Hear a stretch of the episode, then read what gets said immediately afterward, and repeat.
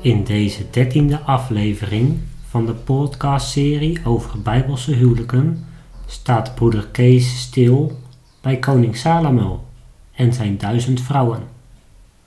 Salomo overtrad de koningswet uit Deuteronomium 17. Dit had grote impact op zijn gezinsleven. Salomo's onmatigheid leidde uiteindelijk zelfs tot een verscheurd koninkrijk.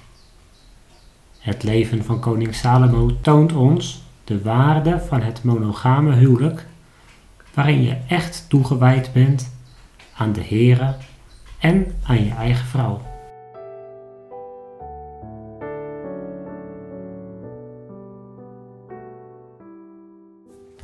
Salomo en zijn vrouwen.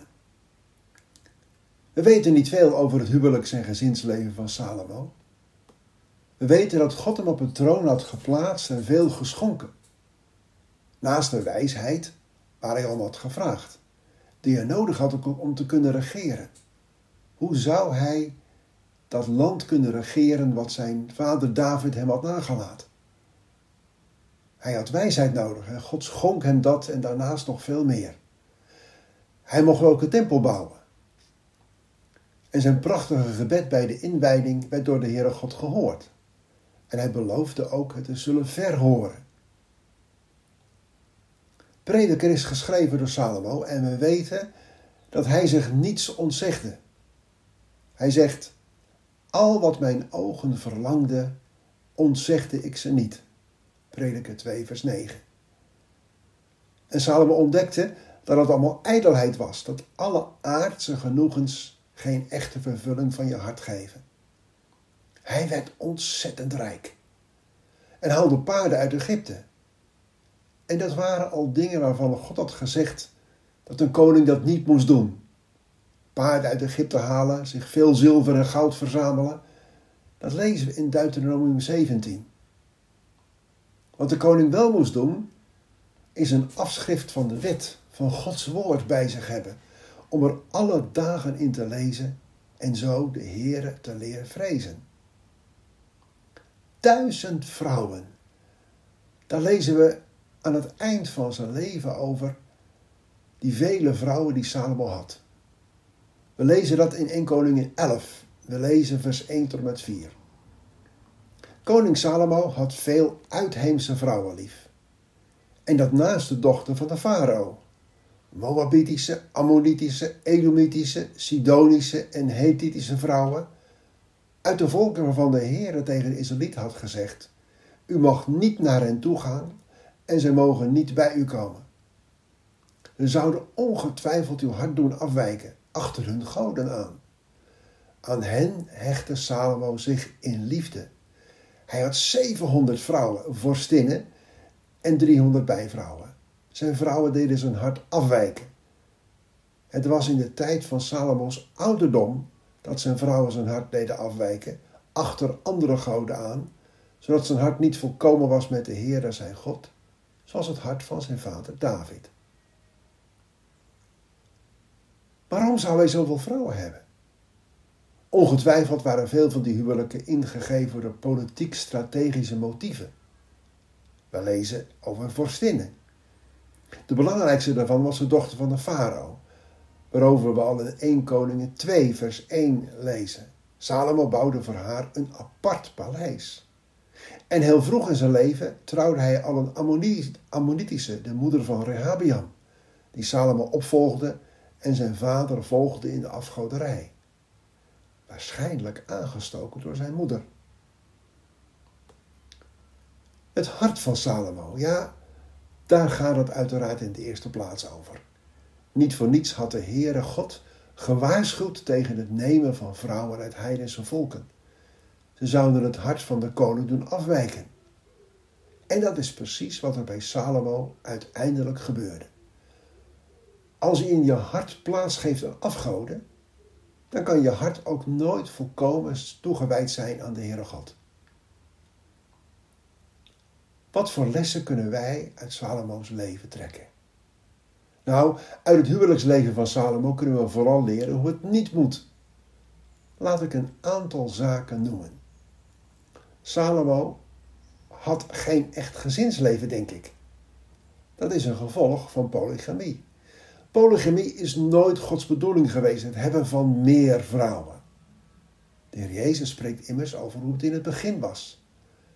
En dan spreekt hij over een man die zijn vader en moeder verlaat, zijn vrouw aanhangt, en die twee zullen tot één vlees zijn. Dat is enkelvoud. De man en zijn vrouw. En één vlees. Je kunt als man en vrouw nooit die echte eenheid beleven als je verdeeld bent. Als je bijvoorbeeld als man meerdere vrouwen hebt. Dat heeft ook effect op het gezinsleven, hoe kinderen opgroeien. Wat zien onze kinderen?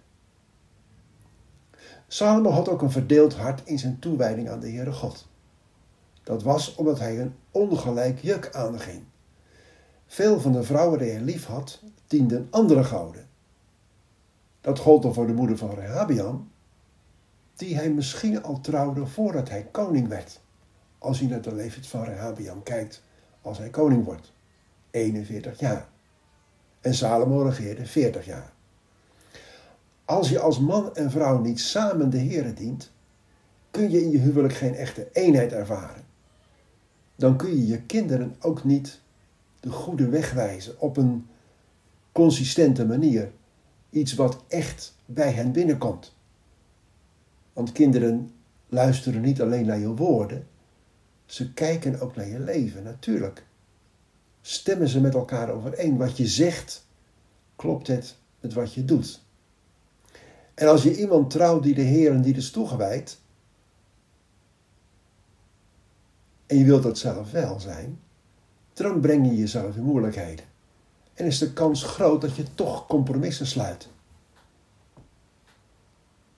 En je kinderen zien dat de belangrijkste vrouw in je leven, dat je die gekozen hebt terwijl, terwijl je wist dat zij niet de Heere diende. Of andersom, als een vrouw die de Heere wil dienen, een man trouwt die de Heere niet is toegewijd. Dat zien de kinderen. En ze zullen zich afvragen waarom. Wat je ons vertelt over de Heer Jezus.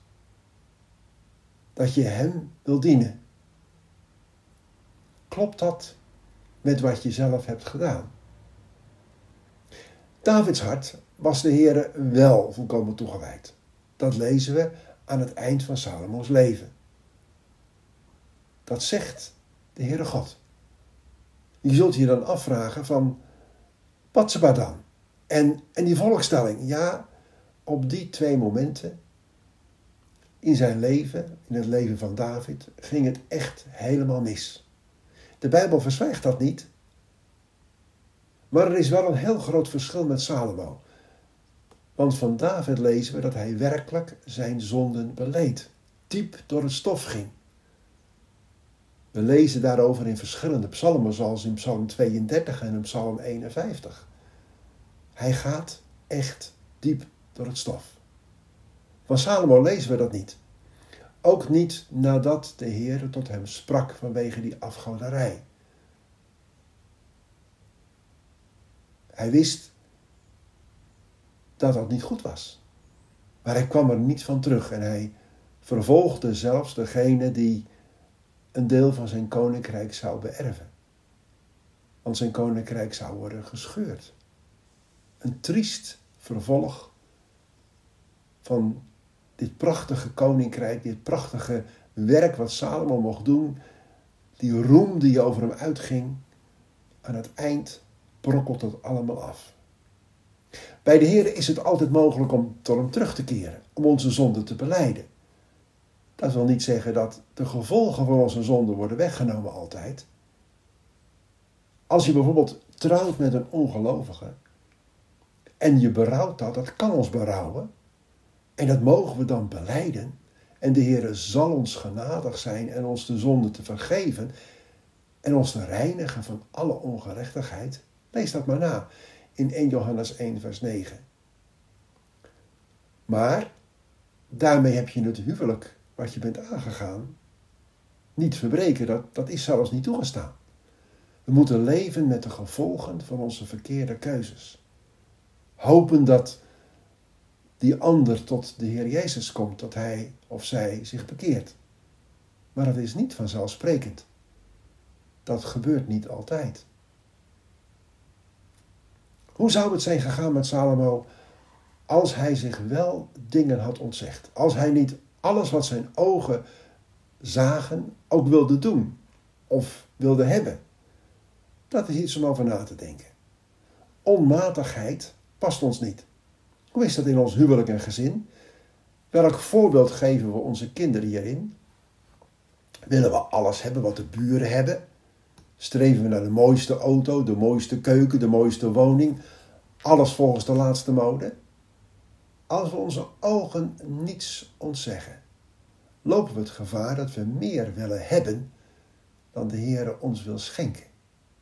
Job had met zijn ogen een verbond gesloten om te voorkomen dat hij zou zondigen in het kijken naar andere vrouwen. Want het begint met kijken.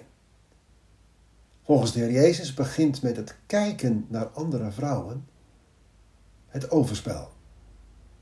Als bij dat kijken ook begeren komt. En dat kan heel snel het geval zijn.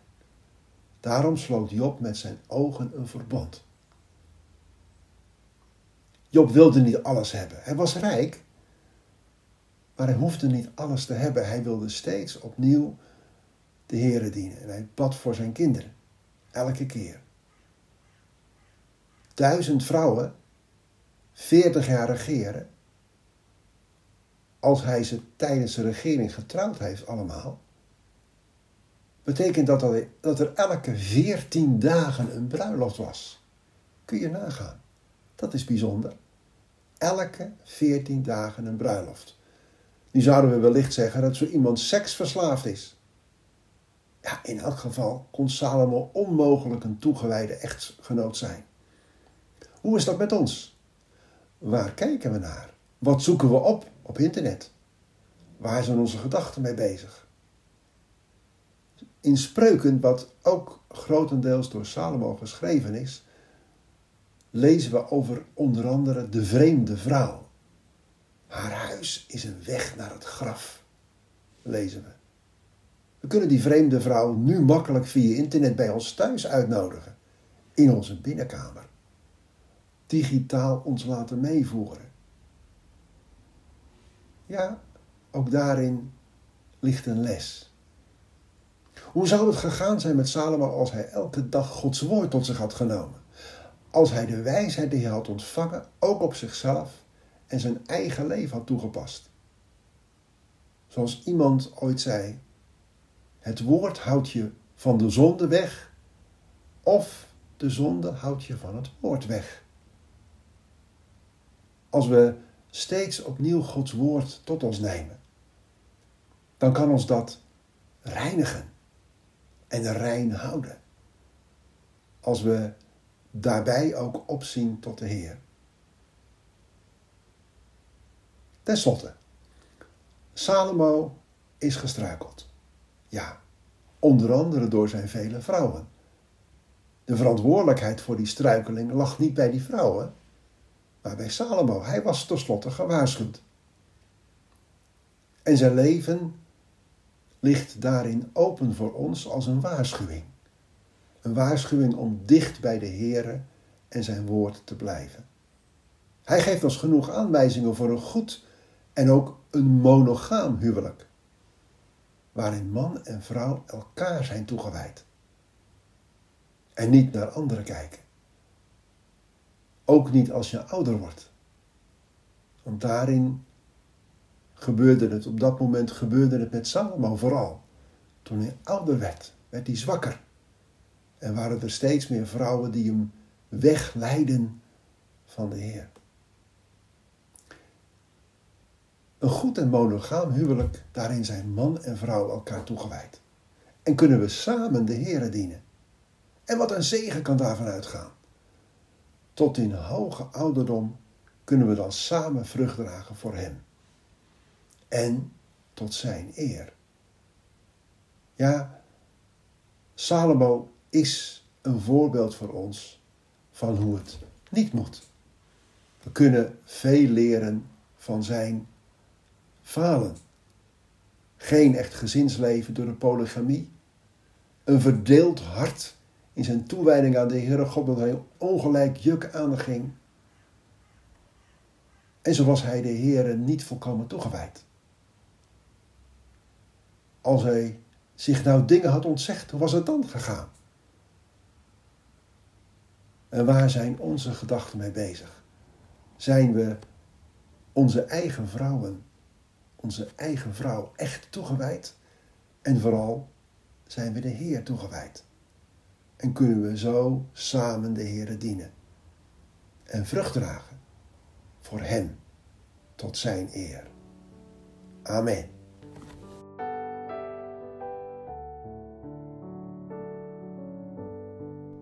Was de dertiende aflevering van de podcastserie over Bijbelse huwelijken. In de volgende aflevering gaat het over het huwelijk tussen Jozef en Maria.